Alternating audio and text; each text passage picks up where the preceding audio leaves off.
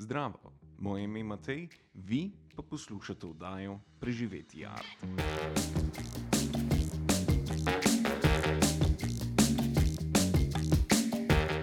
Danes boste lahko poslušali pogovor, ki sem ga imel z Janom Dolarjem. Jan ima močno medijsko in organizacijsko ozadje. Med drugim je več let soorganiziral filmski festival Student Cuts v Mariboru in delal za eno največjih medijskih agencij Mediaspeed. Z njim bomo obravnavali možnosti sodobnih medijev za vse, ki začenjajo s profesionalno umetniško kariero, ter razdelila področja, kot so iskanje sponzorjev, samo promocija in PR, na podlagi njegovih izkušenj v filmski in medijski industriji. Pa prijetno poslušanje. Na začetku bi te rad vprašal, uh, glede na to, da si šel na faks, na Ferine, odkot ta ideja, uh, zakaj medije? Preštudirati, zakaj raziskati to, to polje, odkot to zanimanje? Uh, v bistvu zanimanje se je nekako razvilo, zaradi tega, ker sem prej hodil na turistično srednjo šolo. Uh, nekako so mi zmeraj šli jeziki in neka komunikacija, tudi z kakimi javnimi nastopi, sem si bil malo bolj blizu. Sem bolj iz tega pač bila je opcija ali turizem naprej, kar me ni neko zanimalo, ker sem bil še vseeno bolj tehnično usmerjen in sem se pa zaradi tega preusmeril malo bolj na medije. Bilo je to na Feriju, kar je vse malo bolj tehnično in tako. Uh, zato v prvi fazi. Kaj pa pa? Verjetno se pol nekako ne, itak ta prva odločitev zanima me, uh, zanima me mediji, zanima me jeziki, komunikacija in tako dalje. Kako je izgledal ta, ne vem, celoten proces raziskovanja tega. Verjetno Fer je bil čist nekaj drugega kot turistično, ne? čist nek drug. Ja. Meni je dal idej jezikov in vsega. Ne? Ja, se tudi. Tudi uh, same medijske komunikacije so bile nekako malo izven ferija, vse kar je, kar je v osnovi feri. In smo tam pač tekom študija, vse, najprej je bilo nekaj zanimivih stvari, od razne animacije, pa se spoznali z raznimi mediji in to. Ampak pol vidiš, da dejansko teža medijev, da je tudi druge, ne? da ni vse samo zabavno in vse, da bi bilo malo bolj informativno in da, da so pomemben del in kulture in družbe na splošno.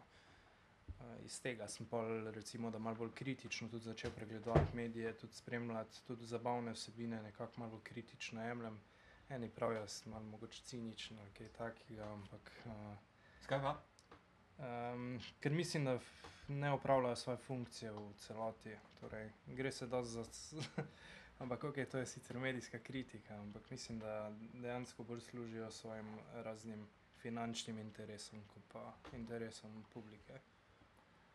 Pa je, kaj jaz, ko raz, razmišljam o medijih, ne? po eni strani so itak so nek mehanizem, ki samovoljno deluje iz kakršnih koli že inicijativ, ki jih imajo, ne? ampak po drugi strani je pa tudi nek mehanizem, ki ga publika sama lahko uporablja ne? kot nek javno sredstvo, nek javen, javno urodje.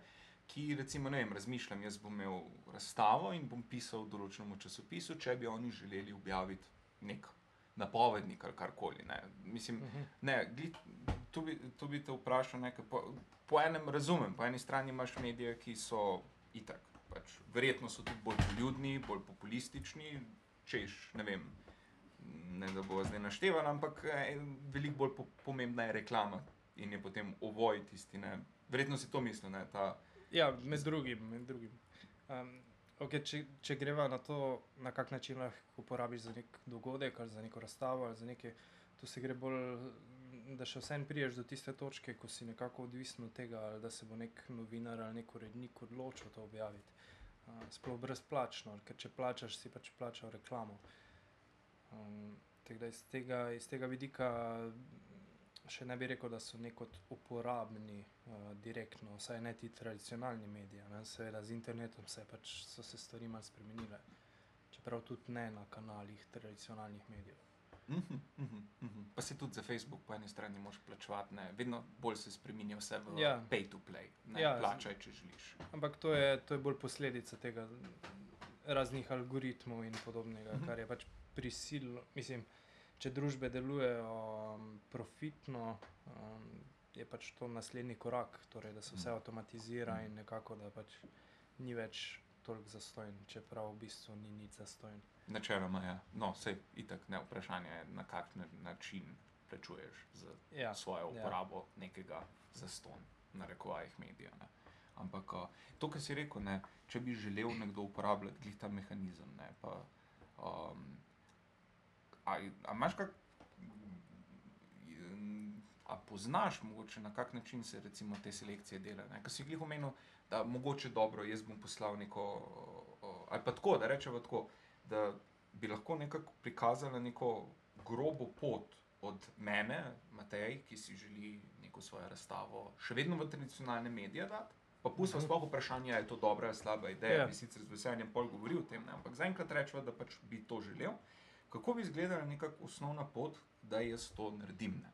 Ker jaz- meni se zdi, da veliko ljudem je jasno, kako Facebook deluje, Instagram, te objave so jasne, mogoče ne efektivnost teh objav, ampak lahko jih dam ven. Kokor mediji so meni bili vedno tako, da tuji, ne, kot nek nedostopen način, ki pa ga vseeno lahko verjetno uporabljam za komunikacijo z javnostjo, čeprav spet mogoče ne tako efektivno kot Facebook, ne, ampak da greva skozi to. Ja. Meni se zdi, da si večinoma predstavljamo medije kot neke, kot neke nečloveške neke entitete oziroma nekaj, kar nam sporoča, bolj kot pa da bi jih mi lahko kontaktirali. Zdaj, treba se je zavedati, da vsake novice in poročila in podobno imajo svoje, svoje ljudi, ki delajo na tem, torej razni novinari, uredniki in podobno. Uh, torej, treba je kontaktirati, oziroma treba je priti do teh ljudi, ki bodo dejansko to s, tvojo vsebino torej, širili naprej po, po mediju, torej kanalu, kjer mu, bi mi radi, da širijo. Zdaj, to je neko v osnovi tudi to, kar bi ne odnosi z javnostmi delalo. Ne. V prvi fazi ti kontaktiraš novinarje, zato da oni potem napišejo članek, oziroma ti jim pripraviš neko snutek, mogoče oni pa objavijo. Zdaj, objavili bojo ali zaradi tega, ker je njim mogoče zanimivo, torej to je najboljša situacija, ker dobiš dejansko ti mediji oziroma nekega predstavnika medija, ki mu je dejansko v interesu to, kar ti počneš. Torej, če imaš razstavo, da, je on, da so mu zanimive umetnosti in razne take stvari, pa bo več verjetnosti, da bo on hotel vključiti to v svojo vsebino. Zdaj še vseeno, seveda, lahko urednik malo drugače odloči, ampak recimo, če pustimo tisto, um, že samo to, da se nek novinar začne zanimati za tvoje delo, je, je dober korak naprej. Ker tudi mediji načeloma ali pa novinarji se nekako poznajo med sabo, vsaj ti bolj aktivni. Um, ko priješ do enega, že, že, že lažje prideš do drugega. Ne? Vsaka dodatna objava v medijih je stopnica za naslednje objave. Um, bolj, več, ko se piše o tebi, več se bo, ne? če boš dokaj aktiven v tej smeri. Kar je zelo zanimivo, ker se meni zdi, recimo, jaz nimam nobenega stika s tem, nikoli nisem imel, ampak uh, imam pa recimo stik za to neko sodobno idejo ne Facebooka in tako dalje. Ne? In, in um, kako ni nobenega zidu med mano in idejo, da bi jaz objavil, ali pa realno pač samo objavo. Ne? Pač jaz grem na splet, naredim svoj uporabniški profil, objavim in to je to. In dobro, spet eh, doseg, domet in tako dalje, ni važno, ampak ideja, da sem jaz naredil nekaj takega, je precej enostavna in vsak jo lahko naredi. Kakor pri medijih je pa glihne ta subjektivnost urednika. Mogoče mu bo všeč, mogoče mu ne bo. Ne. A je kaj, kar lahko človek naredi, da se pripravi na te subjektivne, poleg seveda pač ne vem, človeškega faktorja, ki ga ne moreš vplivati na. Ne, ne Ja. vem, nekdo ima slab dan, kaj svem, kaj ne. Ampak nekaj, kar bi lahko jaz realno naredil pred tem, zato da imam večjo možnost realno spraviti kaj v svoj časopis, ne. kar še vedno zelo veliko ljudi ceni. Ja, torej, pomembno je, da je pač to, kar, kar, recimo, kar bi ti počel ali kdorkoli od nas, da je dejansko zanimivo še za nekoga drugega. Ampak da je tudi, torej, ne samo da je za neka zanimiva stvar, ampak da je tudi predstavljena na tak način, da vsakmu je jasno, da je zanimivo. Torej, če ti vidiš samo neko glas za nek dogodek ali nekaj na Facebooku, um, verjetno ni zdaj nekega velikega efekta. Ne? Zdaj, če, če je dobra spremljava, dober opis v besedilo, eh, mogoče kakšne slike, kaj takega, mogoče kakšna poznana oseba celo, na to že pripomore k temu. da bo malo bolj zanimivo vse skupaj delovalo, preden se pač sam dogodek izvede. In pač prek Facebooka, ja, vsak objavi vse, kar hoče, ne glede na kvaliteto. Zdaj, že sam algoritem pa recimo mogoče deluje, bi lahko rekli, po principu teh tradicionalnih eh, re- recimo filtrov. Torej, če Facebook algoritem zazna, da to ni neko zanimivo, da recimo ni dovolj všečkov, ni dovolj deljen in podobno, ga pač ne bo naprej forsiral. Ne. Enako lahko si lahko razlagamo to pri tradicionalnih medijih. Torej, če nek novinar ne bo videl zgodbe v tem, uh, je ne bo objavil. Kakšen je karakter, se dobro, zdaj, po- zdaj bo nemarno posplošila stvari, mogoče preveč, če bo preveč, mi moč povedati, ne, ampak predstavljam si, ne, mogoče, kakšen je nek karakter novinarja, ki itak po eni strani karakterno gledano ga ne moreš razumeti, zato smo ljudje različni, ampak po drugi strani ta profesionalni del tega karakterja, ne, kakor si rekel, mora biti dovolj všečko, mora biti všečno, mogoče pač z neka znana oseba, skratka, v, v, a so kakšni neki jedrni faktori, poleg recimo, vem, da je zadeva enostavno napisana, da pač jaz že, recimo, vem, ko pošljem uh, medijem na njihov mail, Ja. infomail, oziroma po želji direktno nekomu, če ga poznaš, ne, verjetno pač tle so pač pomembni spet, ne, kot si rekel. Tu so kontakti. spet kontakti. Ja. Mm. In, in da jaz recimo pošljem tja na mail, da jim jaz pripravim, ne vem, kaj, tri odstavke, štiri odstavke teksta, kakšno sliko pošljem in potem verjetno upam na najboljše. Ne? Ja, no, tu so neka taka mal nenapisana pravila, oziroma bolj, bolj nekaj, kar se je izoblikovalo iz neke prakse s, v komunikaciji z mediji. Torej, kako snovati razne torej, in besedila mailov, in pri, priponke mailom, in take zadeve. Spet moraš imeti naslove, na katere to poslati, ali pa imeti uh, telefonske številke, koga poklicati. Uh, Zmeraj je nekako, torej, ne vem, ti novinari dobijo ogromno, ogromno teh sporočil vsak dan. Torej, že sam, da se filtrirajo čez to, jaz verjamem, da večina od njih pregleda, oziroma vsaj preleti vsako tako sporočilo, ki ga dobijo v svoj predalnik, ampak vprašanje je, koliko jim pritegne pozornost. Ker um, dogodek ne samo, da more zadeti, torej, glede na zanimivost, ampak mora zadeti tudi na področje, na katerem dela nek posamezen novinar. Torej, če imaš ti športni dogodek, ti neki iz kulture novinar ne bo objavil tega. In, um, Se pravi, point je, da si prej realno človek vzame vsaj toliko časa, da ugotovi, kdo je za kakšno področje, ne? da ni Seveda, nas lepo seveda. pošiljati. ja. Mhm. Mhm. In mislim, vse to je, to je v, v stvari. Mislim, lahko bi rekli, da se to dotika že pa malo mal marketinga, trženja, torej da poznaš svojo ciljno skupino, tudi novinarjev, konc koncev. Um, tudi ve se, kateri mediji bojo mogoče bolj verjetno kaj objavili, glede na področje, kateri manj. In to Na je treba. način bi se jaz najlažje spravil, da to raziščem? dobro, zdaj lahko itak ne unavariam, da pač jaz googlam stvari in ugotovim. Ampak recimo, da ne poznam, veliko nas, po mojem, tudi ne bere toliko časopisov tega. Ne? In mi smo recimo v stiku, kot bi recimo rekel, ne vem. Vem, da je Facebook drugačen medij od Instagrama. Ne? Recimo, Mhm. A veš, kaj mislim? Pač, se mi zdi, da večina nas lažje razume razliko med Facebookom, Instagramom in Tumblrjem, kot je ravno ne vem, razlika med ne vem, delom pa uh, ne vem, kakšnim časopisom ekonomije. A Veš, že sam ta ideja, da mi Razumem, manjkajo ja. Imena, ki jih ne prebiram. Je kak bolj efektiven način, kot da jaz grem realno na net in opišem, ne vem, časopis o umetnosti. Ali bi realno to bilo najboljša stvar, s katero bi se lahko spravil do tega, da ugotovim te stvari. Ja, to je, torej, če ne želiš delati eh, popolnega pregleda medijev v Sloveniji ali tudi globalno, je pač najboljš to, da iščeš po, po svojem področju, kjer je mediji objavljajo kaj stvari, verjetno že sam spremljaš mogoče te medije določene in na tak način izveš, kam recimo poslati, oziroma tam, kjer sam opaziš določene novice, ki so tebi zanimive, bodo verjetno zanimive tudi tvoji ciljni publiki, ne, če, delaš, če delaš v tej smeri. Zdaj, po drugi strani je pa mogoče, zdaj, odvisno, odvisno od tega, kako na veliko hočeš promovirati, uh, koliko je še vseeno, mogoče imaš kaj budžet uh, ali nimaš.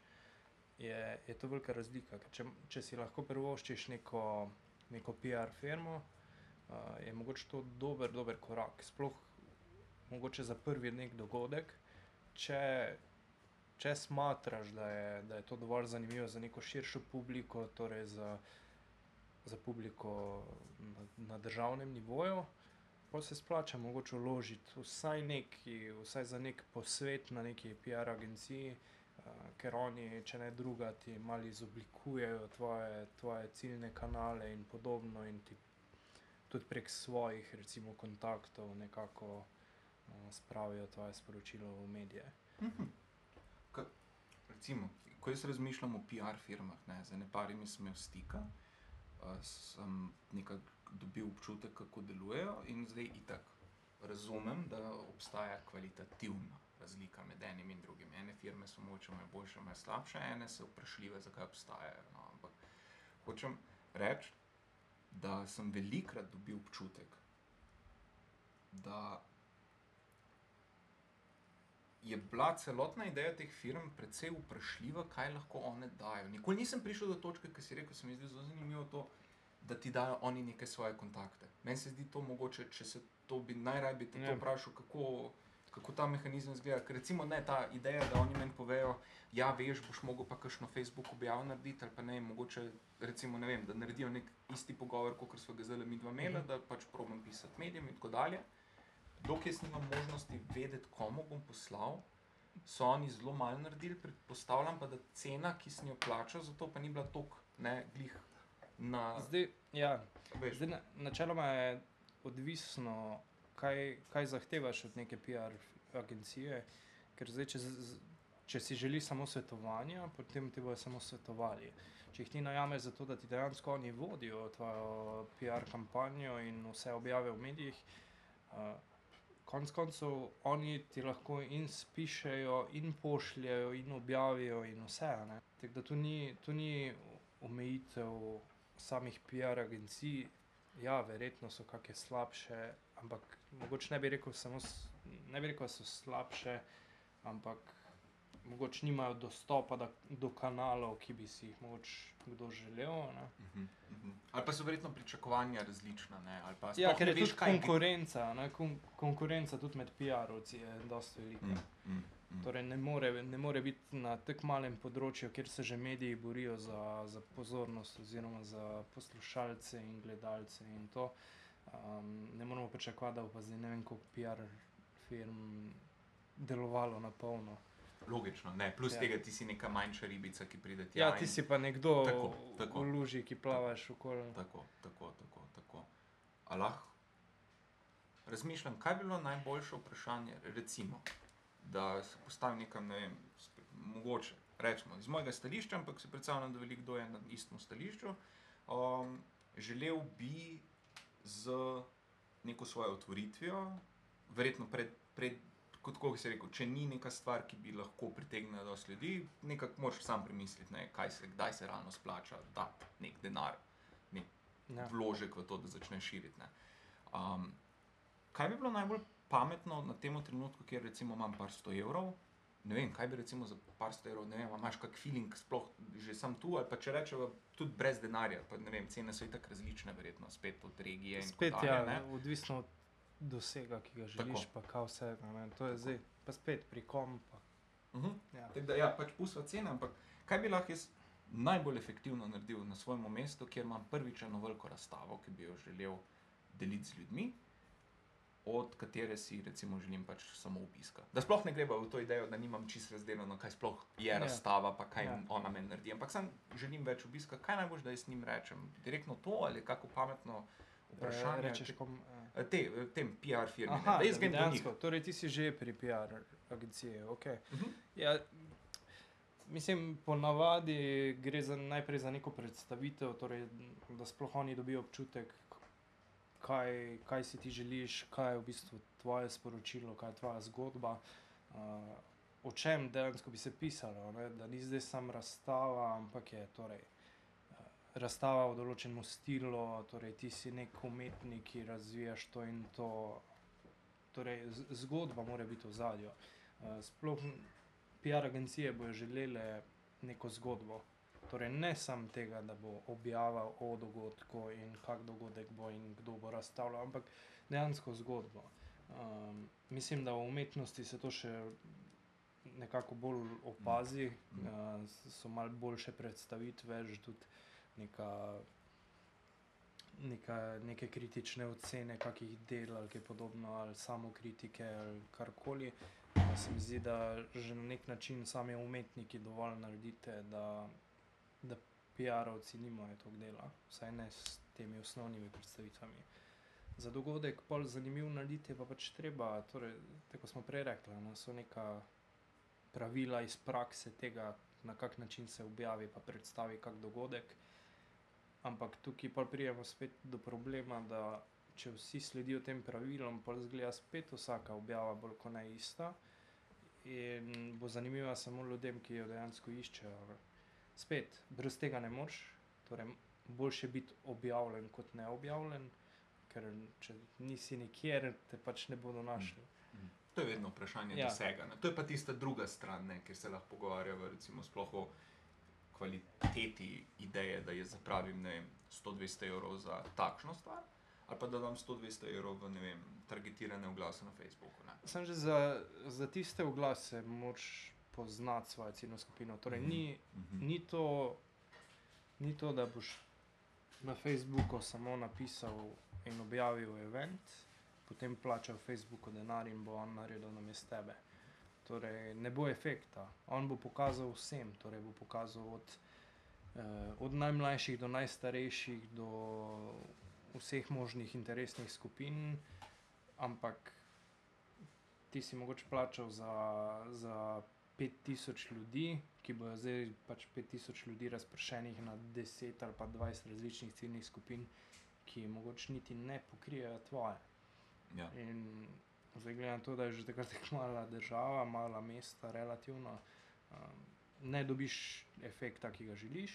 Če pa malo bolj razmisliš, torej tu bi prišlo mogoče v, v upoštev neko svetovanje neke agencije ali kaj podobnega, uh, da vsaj skupaj dorečete, ali pa marketingarji ali kaj podobnega, kdo so ciljna skupina, uh, kom, koga dejansko naslavljate, ne, kdo je, kdo je tisti, ki bo potencialno prišel na ta dogodek, koga bo sploh zanimal. Uh, in na tak način pa tudi prilagodiš oglase na Facebooku.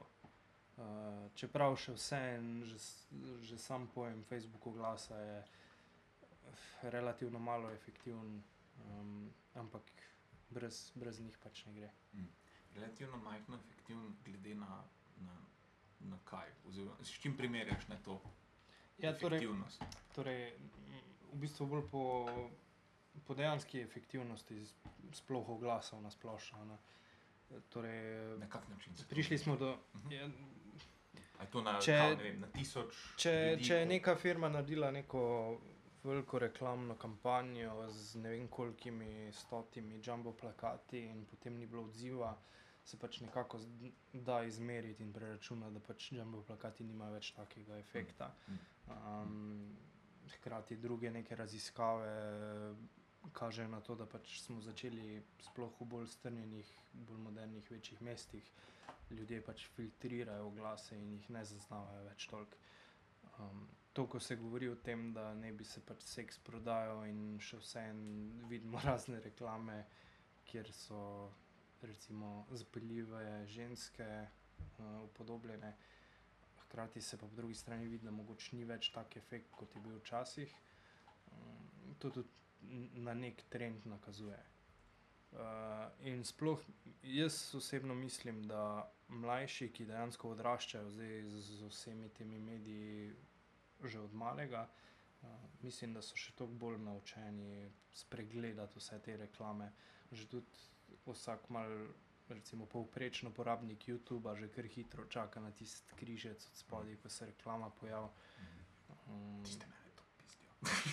ja, pa, pa vprašanje, koliko so efektivne. Ampak Ja. spet, mogoče pa so.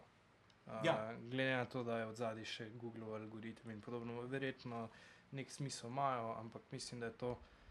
Um, po mojem mnenju je to moderna in mal bolj, um, mal bolj napredna verzija tistega, kot če bi iz letala dol flyerje spustil, ki Ja, bi leteli ja, čez mesto. ja, ja, ja. Nekoga bo zanimalo, ko prije do njega, drugega pač Ja. ne bo.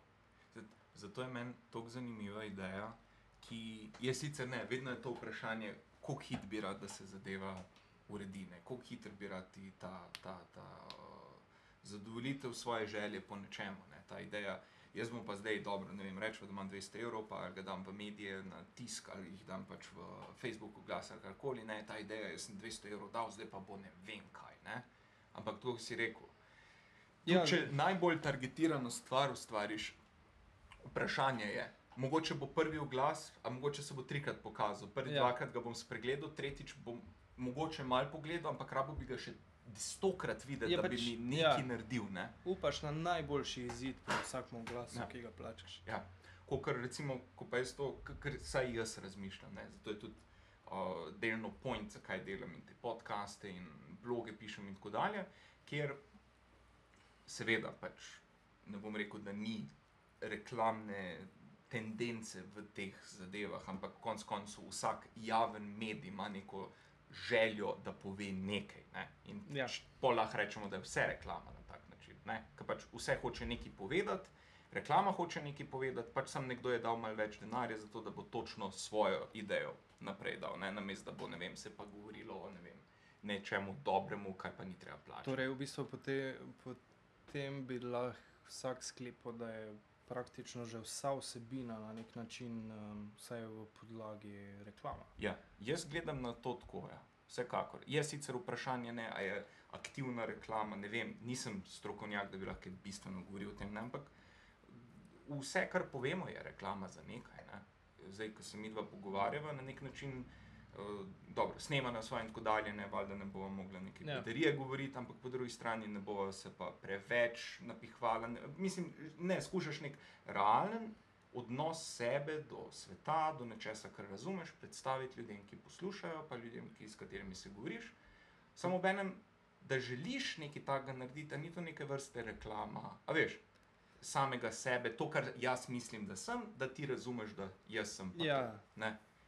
Vse načeloma na vsakem koraku se nekako srečamo, da se moramo sam sebe promovirati. Hm. Torej, gre za, za neko službo, za kakršno koli neko, nek odnos nekje, za pridobivanje strank, za karkoli se je treba pač promovirati. Uh, mislim, konec koncev vse, uh, tudi to, da sem jaz danes tu, je na nek način lahko promocija za mene. Tako? Oziroma, Tako. ali, ali je promocija za mene, oziroma z- vsebina za mojo promocijo z mene. Tako, tako. Ne aktivno, ne karkoli, ne, ni zdaj glih to bil point, ampak ja, točno Ja, to, mislim, točno to je. to ja, je- to je tako, bottom tako, line. Tako. In, in to gre isto za ne vem, nekdo mi je všeč, bodi si kot eh, punca fan, bodi si kot prijatelj, jaz bom mogel sebe predstaviti kot najbolj to, kar jaz sem, zato Ja. yeah. da bom probal najti neko sinergijo z njim, da bom lahko rekel, a ti si pa sličen, deva se razumeti. Tu Ne. nekako, um, skozi se mi zdi, da se dotikava neko, če tudi pojma tega mreženja, no, torej poznanstev in uh, prijateljstvo in podobno, ker um, še vedno je potrebno poznati ljudi. Torej, ni dovolj, da imamo samo zdaj nekje všečkane, ali da jih sledimo, ali da oni nas sledijo. Dokler ni nekega odnosa vzpostavljenega, vsaj, vsaj na neki periodični ravni, pol nekako ni odnos. Torej, ne moremo pričakovati ne, ne neke replike, ne nekih uslug, ne. Um, kaj se vem. Ja, ne, bojo, prazno ne ne. bojo delili naših objav. Recimo. Karkoli. Ja. Tako, Ni, ni efekta. Ne, ni efekta. Vem, vem. mhm. Um, sej tudi, um, če se pogleda, vem, kako bi se naj zdaj uspevalo na socialnih omrežjih, uh, sploh iz nule, so neka priporočila, ki krožijo po internetu, da, da pač najdeš neke že malo bolj uveljavljene, ki bojo nekako torej, tvoje vsebine delili na svojih kanalih, ti, ti deliš njihove in pač vzpostavljaš take odnose in se nekako krepite vsi skupaj um, in rastete kot, torej neka poznanstva. Mhm. Sicer mogoče bo nekdo malo bolj izstopil, ampak zdaj, če ima nek, ne vem, recimo, da ima nekdo milijon sledilcev, verjetno jih bo vsaj nek odstotek prešel še na tvoje, ne, um, na tvoj seznam, če bo tisti nekdo delil tvoje. Ampak to si rekel, to je treba zgraditi. Ja, to je treba zgraditi. Ja. Torej, nekdo z milijon sledilci ne bo zdaj, da mu boš ti napisal, e, da bi objavil moje. Verjetno ne bo. No. Tako. Mogoče pa. Ja, dobro. Ja, itak, ne, ampak- ampak Ja, verjetno ne. ne. snovi, Zato, ne. ker, Zakaj bi?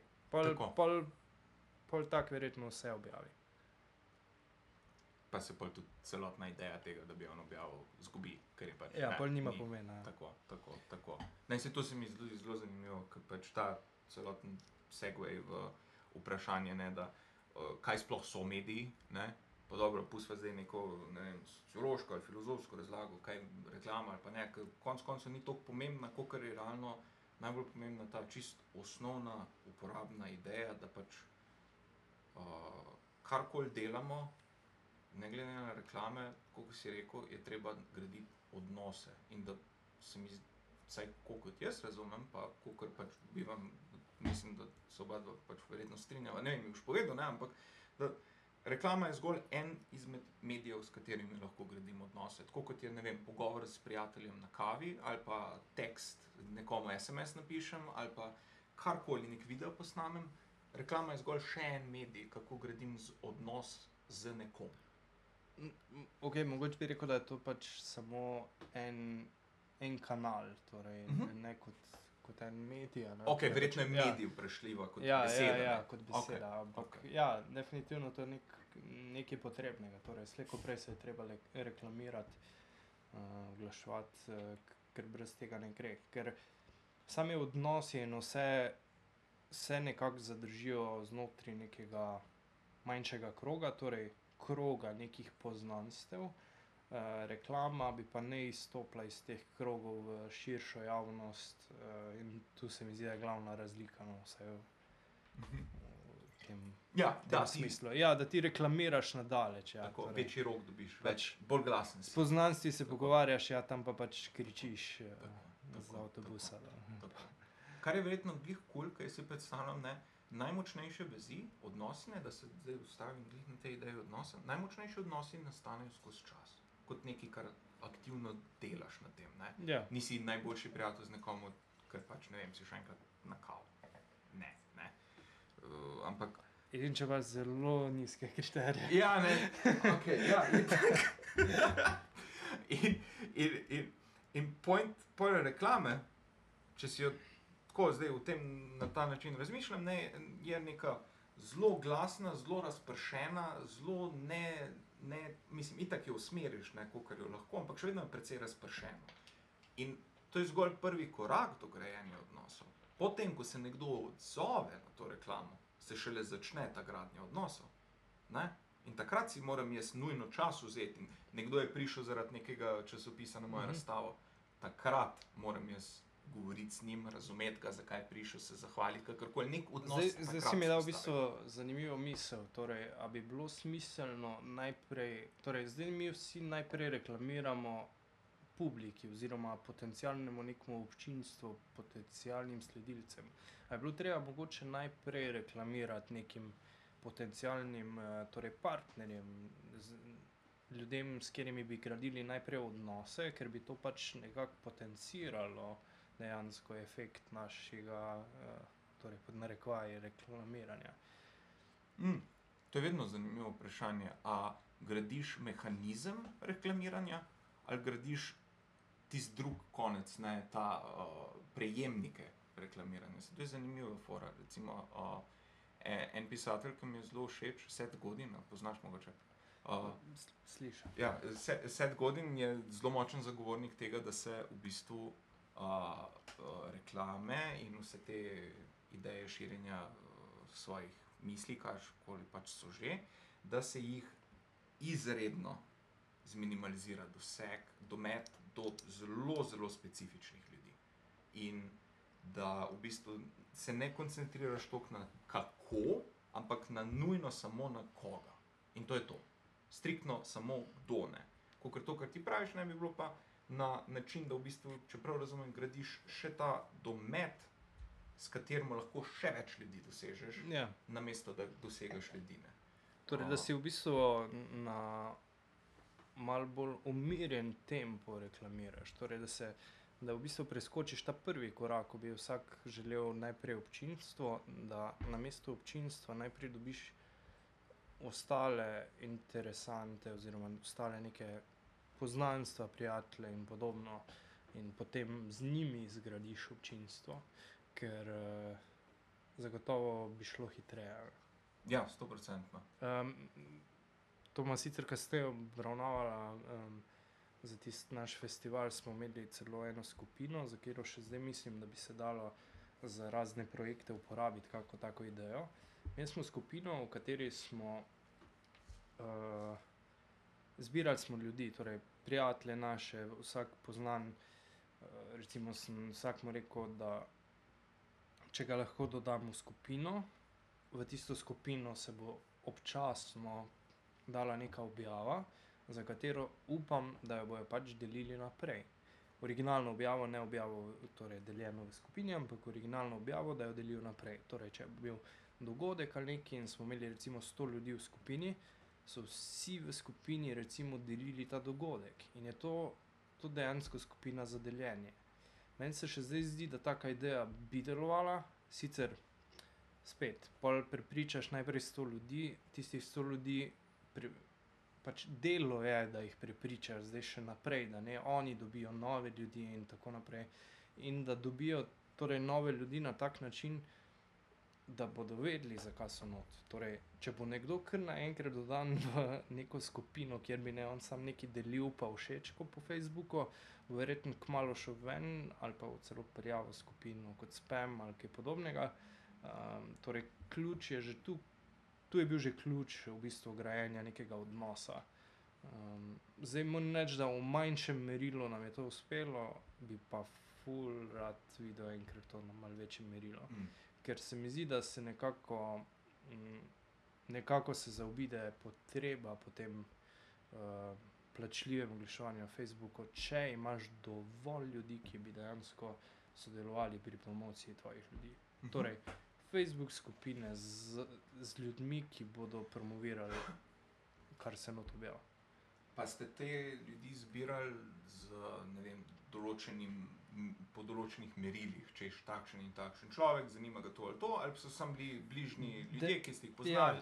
Dejansko v- v- od vsakega v ekipi smo neko velevali, da bi povabil nekaj prijateljev zraven, oziroma Facebook prijateljev. Um, in se jih je pač počasi se jih je nekaj nabralo. Uh, sicer tudi vprašanje je, koliko teh je bilo aktivnih, ampak se je poznalo z ali brez skupine, se je zelo poznal doseg Facebook objav. Mhm, mhm. Pa meni se to zdi zelo zanimivo, ne? ker v bistvu še vedno je razpršeno, glede na to, da itak nimaš vpliva na to, da ne vem, nekoga zanimajo določene stvari, nekoga druge, pa različni prijatelji so na Facebooku, ni Ja. targetirano, ne? ampak po drugi strani je pa že sam, ne samo za ston, mogoče tako, kot si rekel, Ja. verjetno dož časa vzame za to gradnjo tega odnosa, da oni še vedno delijo. Ne?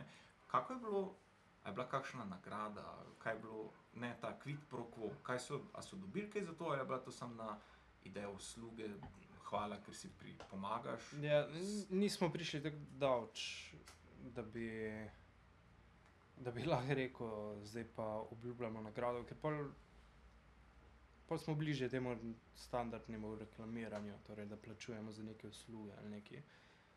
Um, tako da takrat je bilo bolj tek na poznanstva. Ampak, mislim, jaz sem rekel, kakmo prijatelju, ja, dobiš za kavo, jaz te damo skupino, ti sam šeri po Facebooku. To se je dogajalo, ampak to je tek, mislim, ena na ena. Ni pa zdaj to resno mišljeno ali kakorkoli s pogodbami. Ali kaj. Ja, ne, ne, ni, pač, ni, ste bili, ni rekla, kolegice, ja, to je to. ja. Torej, In eh, itak tudi- strošek odnosa. Mm, kako bi rekel. Mm. Pa sej, mislim, zelo veliko ljudi pač sam organsko pomaga in drugemu, ne, ne vem, zdravo izporabim to, pač sam ena ena izmed lažjih oblik pomoči. Je, ne. Ja, Ja, lažje deliti nekaj, kot vsak- iti nekomu delati na kmetijo. da- veš, periodično, Ja, poznajo pa slejko tečno, ne. prej, ja, slejko Mm. prej je Mm. spam. Ja, Tudi če od kolega je spam. Glede vseh teh medijev ne, in ko si rekel, da ta ciljna publika, ki smo se menila. A so kakšne osnovne stvari, ki jih lahko recimo jaz danes, zdaj le, pol ure si vzamem časa, naredim, da približno ugotovim svojo ciljno publiko.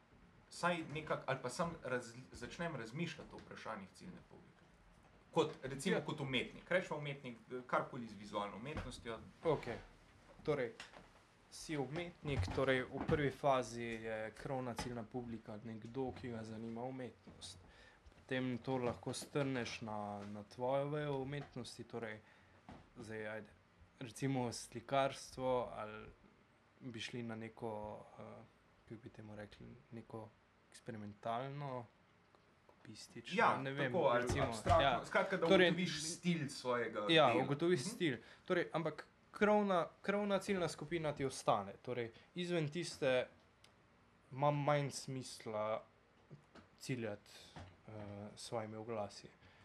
Torej, znotraj tistega potem gremo na, torej, na, na zvrst umetnosti in zmeri globje, dokler ne prijemo potem do nekih starostnih razmejitev, mogoče spolnih, torej čist demografske značilnosti. Eh, V osnovi je pa najboljš si predstavljati torej, končnega uporabnika, uporabnico oziroma obiskovalca, obiskovalko.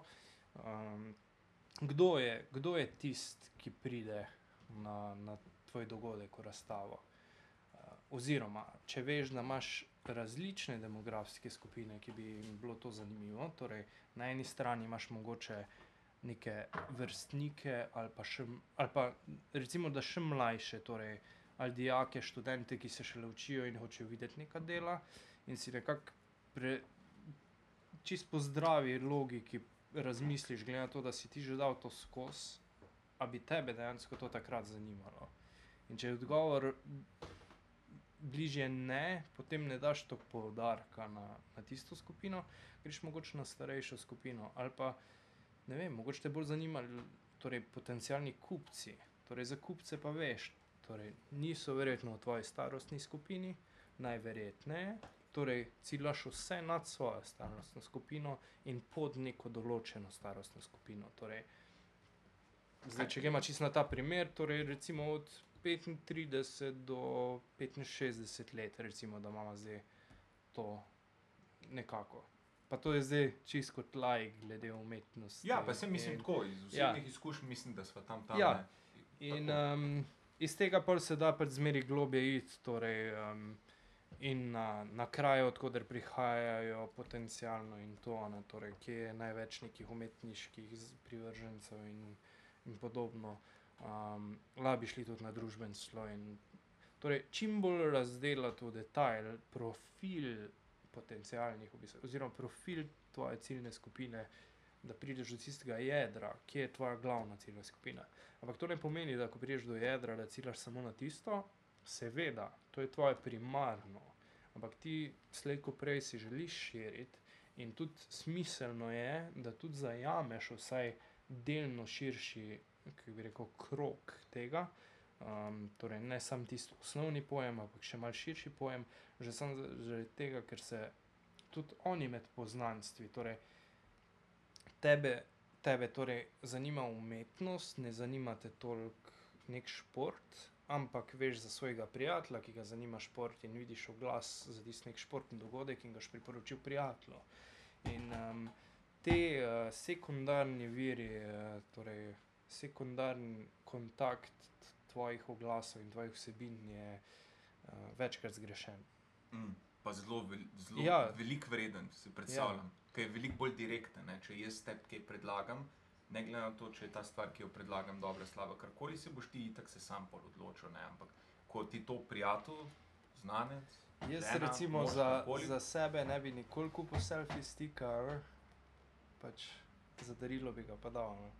Tu bi te najraje vprašal, ker se mi zdi glih ta, ne, ta uh, iskanje ciljne publike. Ne, pri nas, slikarjih, umetnikih na splošno, se mi zdi dosti problematično, zato ker smo zelo zanimivi v svoji produkciji. Recimo, če dam to v kontekst oblikovalca, ki oblikuje produkt, njemu bodo vedno govorili, ali njej, komorkoli, bodo vedno govorili, da ti moraš začeti z uporabnikom ne? in potem okrog uporabnikovih potreb graditi ta produkt. Ne? Ker a, če ne funkcionira stvar, če ni lepa. Razen če ne. je izumila nekaj čist novega. Tako, tako, ampak spet ne, če ni potrebe, a veš, kaj mislim? Razumem. pot- ja. Tako pol je produkt skoraj da lahko že v stadiju tega razvoja, pač ne, nefunkcionalen, in že lahko takrat odkriješ, da je treba določene stvari spremeniti. ne. Mhm. Kakor, recimo, jaz, ko delam umetnost, to prihaja pa iz mene samega, ker je neko raziskovanje, kako se jaz počutim glede sveta. Ne. Okej. Ko slikaš, je v bistvu ne veš točno, kaj boš naredil. Pustimo zdaj, da eni bodo čist, rečemo temu, komercialno usmerjeni, začeli delati art zato, da se proda in bodo šli pogledati na ECI, uh, katere barve so popularne. Ne, Ampak to je, to je dejansko ja, sledenje ciljni skupini. Tako, torej, ciljna tako. skupina, recimo, zelo splošna, ki pade na neko popularno umetnost. Mhm. In v bistvu glih tle razmišljam, ne, da, da, da ja, ti, um, ti, poleg teh, ki so komercialno aktivni in se pač primarno prilagajajo ciljni skupini, ne, veliko nas umetnikov delamo stvar, delamo svoje delo zato, ker raziskujemo sebe, raziskujemo, kaj se sploh dogaja v svetu. Rad bi razumel svet, ne. Tako kot vsi drugi hočejo razumeti svet na neke druge mehanizme. Ne.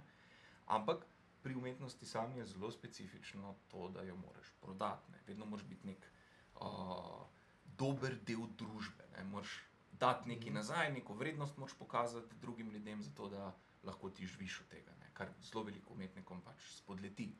In meni je glih zanimivo to, zakaj jim spodleti. Moj, moja ideja je, da jim spodleti zato, ker ne razmišljajo o končni publiki. Ne razmišljajo, kdo bi bil tisti, ki bi mu bila všeč ta packasta slika, ki jo veliko ne bo razumel, nekdo bo pa, aha, abstraktni ekspresionizem. Ja, meni se zdi, da nekateri tudi nočejo razmišljati o tem.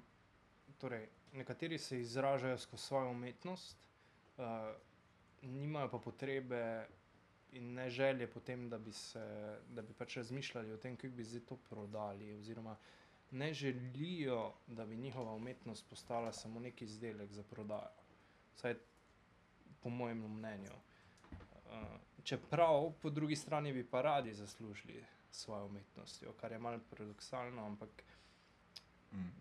če gledamo neke stare umetnike, pa to zdaj govorim kot res bolj kot ne like, čeprav spremljam neki, ampak tudi pesniki, slikarji, vsi so bili neki reveži, torej ni se, nikoli ni, njihova umetnost ni imela pomena v monetarni vrednosti, ampak pač ima drug pomen, torej ima, ima ta umetniški pomen, umetniško vrednost, uh, ki jo je težko zdaj instantno prikazati Mhm. uh, v denarju. Zdaj mislim, da si ti to že obdelal svojemu vlogo. Ja, S- tako, ja. tako, tako. Um, mislim, da je tukaj večji problem, da, da nekateri sploh ne bi radi našli te ciljne skupine za prodajo. Torej, oni želijo, da bi jih pa, pač, oni se želijo izraziti, ne pa prodati. Tako, tako, tako. Ja, čutim to tendenco pri velikih kolegih in kolegicah, ki, ki ustvarjamo še vedno. Spet je, je zelo specifično glede na kraj. Ne. Recimo v Sloveniji je to precej prisotno. Tudi zaradi tega, ker je veliko, zelo veliko slovenske umetnosti je državno sponzorirano. Ja. In ta mehanizem denarja, ki pride, ne glede na to, ali si ti dober, slab ali kakršen koli, glede na trg, ne glede na končnega uporabnika, ampak zgolj na neke druge, še vedno so, seveda so merila, ne, ampak ta merila niso tržna merila, ampak so druga Ja. merila. Ali znaš razpise pisati, ali se poznaš s pravimi ljudmi, kar je sicer tudi tržno pogojeno, Ja, ne, ampak- ampak drugače. To, to se mi zdaj zdi, da je dejansko hm, celoten problem kulture. Sploh tu v Sloveniji se nekako to zelo opazi, no, ker smo pač mi tu. Da pač kultura ne zna, ne zna poiskati denarja. Torej, denar potrebuje za delovanje, ne zna, ga pa, ne zna pa vira najti. Torej, so razpisi in podobno, ampak ne vem, če je to najbolj učinkovita stvar, ker vsem tudi za vsak razpis um, ne pokrije vseh sredstev in pol nekako sodelovanje pade v samo, samo zadovoljevanje nekih razpisnih pogojev in kriterijev in ciljev. In, in se pač ta krok sklene, in pa se zgubi tisto, za kar so dejansko sploh se prijavili na razpis. Um, zdaj, drug problem se mi pa zdi, oziroma neka delna rešitev bi mogoče bila, da bi se nekako spet povezali, spet neki odnosi. Zdaj, recimo Ljubljana, Maribor sta nekako skregana, tujini ne, ne bi bilo toliko teh nekih rivalskih stvari. V redu, v športu je nekako pričakovano, da so rivalske ekipe in podobno, ampak za umetnost, pa za kulturo bi se pa nekako pričakovalo, da bi bilo glih nasprotno. Ne da se zdaj borijo za isti kupček denarja, ki prije iz državnega vera. Um, in, no, tu jaz, tu jaz vidim Ja, največji problem. Ja, ja sej, sej to je itak težava je v tem, da v bistvu privatnega trga ni tako velik, saj da obstaja. Seveda, Pa, Oprosti, ampak mm. je dejansko.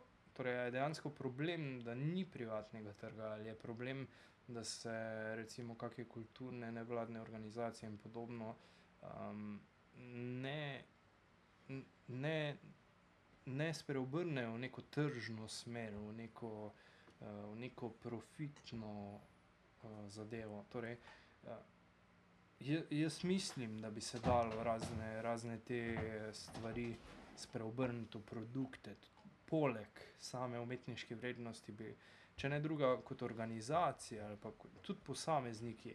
En, na eni strani nek, nekaj, kar imaš za sebe, torej za, za lastno izražanje, zraven ponujaš pa nekaj, kar se trži, nekaj, kar lahko prodaš, nekaj, kar ti predstavlja vir financiranja in hkrati preživetja.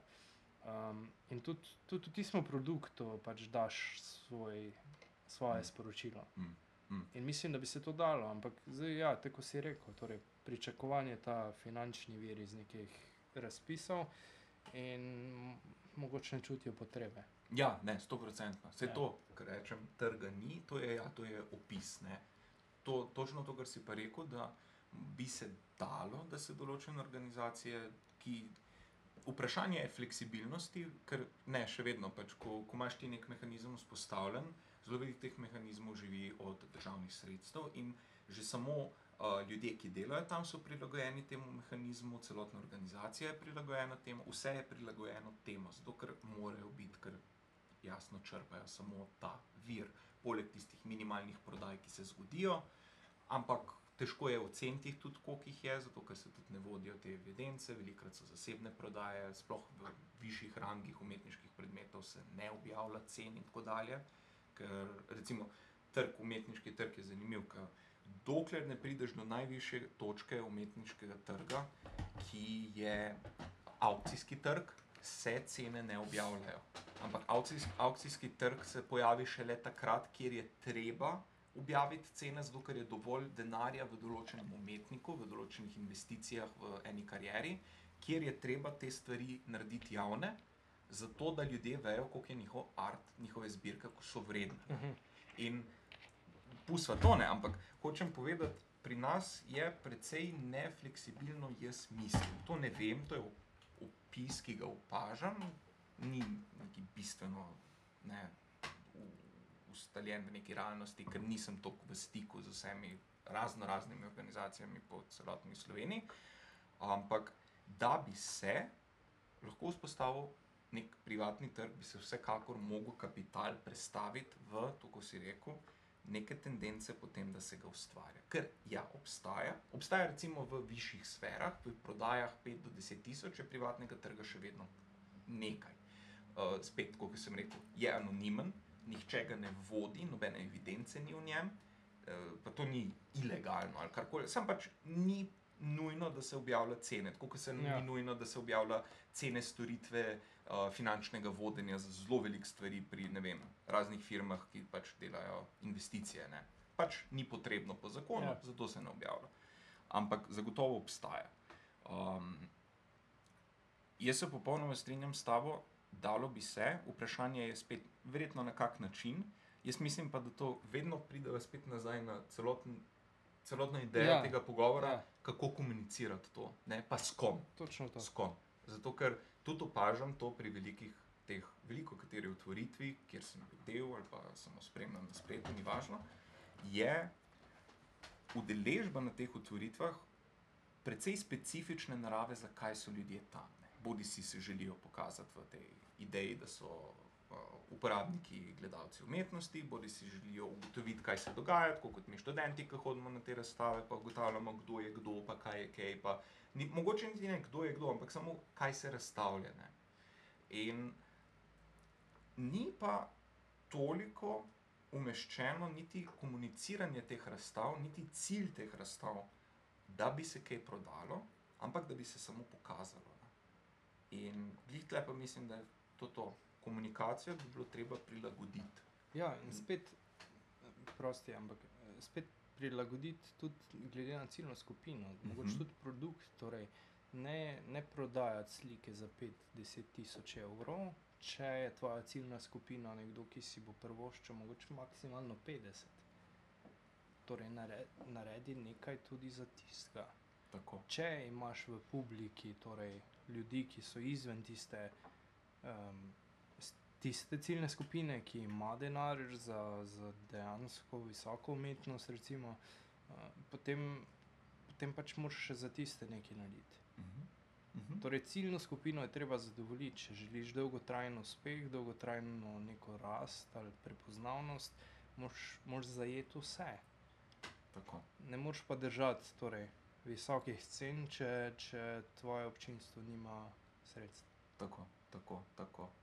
In tu se mi zdi zelo zanimivo. Sam ta ideja ciljne skupine, trenutno je verjetno ciljna skupina Ministrstva za kulturo in vsi drugi organi, uh, občine in tako dalje, ki financirajo te razstave. To je ciljna skupina. Ne? Ampak, a se, a se tudi za te skupine ne, ne razmišlja na isti način, kot smo prej za medije rekla, torej kot neke ustanove, neke entitete, nekje, torej pač je ministerstvo. Ampak ni pač ministerstvo, so ljudje, ki delajo na ministerstvu, so ljudje, ki bodo odločali o razpisu. Torej, treba je priti do teh ljudi. Zakaj, zakaj recimo, ne bi nek umetnik pač se najavil za predstavitev svojih del in svojih projektov na ministerstvo? To se da, to se lahko naredi. Mogoče je potrebno dobiti nek kontakt direktno, ampak to je izvedljivo. Imaš predstavitev ali, ali narediš dogodek, ki je namenjen samo predstavitvi projekta nekim uradnim osebam. To se da povabiš. na isti Mhm. način. Tako kot smo Mhm. medije obdelali, na isti način vsako ciljno skupino obdelaš. Torej, ni, ni izjem. Ministrstvo ima zaposlene, ki bodo dejansko naredili kaj, uh, tako imajo mediji in novinarje. Um, In vse praktično druge vse druge. Ja. Ja. Torej, to, to je zmeri prijema, dejansko z, z vsako vejo prijema nazaj na začetek. ne. Um, Kje je ciljna skupina? ki je ciljna skupina Tako. v kakršnem koli kontekstu. Kar pa mislim, da je tudi čudovita točka za nekak zaključek tega pogovora v medijih. Okej. Uh, tako da um, jaz se ti želim iskreno zahvaliti za tvoj čas, hvala, ker si prišel. Jaz upam, da ljudem, ki poslušajo to, da jim pomaga. No, jaz vem, da meni je dosti prijetno razmišljati o tem, tako kot si rekel. Ne? Vse se vrti te, okrog tega končnega Vse to. Vsak, vsakemu pride prav neke osnovne ekonomije in uh, marketinga. Tako, um, tako, tako. Čeprav se sliši, da je preveč uh, denarno usmerjeno. Tako, sem konc koncev, ne, v bistvu, a je res to tak, tak problem, ali je, ali je. Meni je to, mogoče, mogoče sem še v tem, ker se mi zdi, glih ta, glih ta stvar, ne, ta denar, ta, ta neka divja žival, ki ti požre dušo in te naredi, da potem prodaš vse svoje morale in etična načela in pač rečeš, dobro, jaz pa bom hodil čez trup. Ja. Kaj, mislim, ne vem, ne, po drugi strani pa ne vem, je denar tudi neka stvar, s katero kruh kupim. Ne. Denar nima duše, nima Ja. namen, nima namer, ničesar nima. Pač. Mogoče zato uh, ta, uh, ta, to pričakovanje na, na vir iz razpisov in podobnega se nekako sliši kot nek čist denar. Ne? Torej, zmeri pri prodaji Mm. ali pa pri oglaševanju je nekako vsaj nek uh, prisluh nekega na tega zraven. ali Pa, Mm.